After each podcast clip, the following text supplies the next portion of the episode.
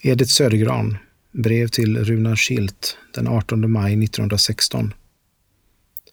Högst ärade Herre. Vänder mig till eder i förhoppning att få ett svar på mina förfrågningar. Ämnar ge ut en diktsamling. En kritiker i Helsingfors som konstaterat min talang gav mig rådet att vända mig till Holger Schilt.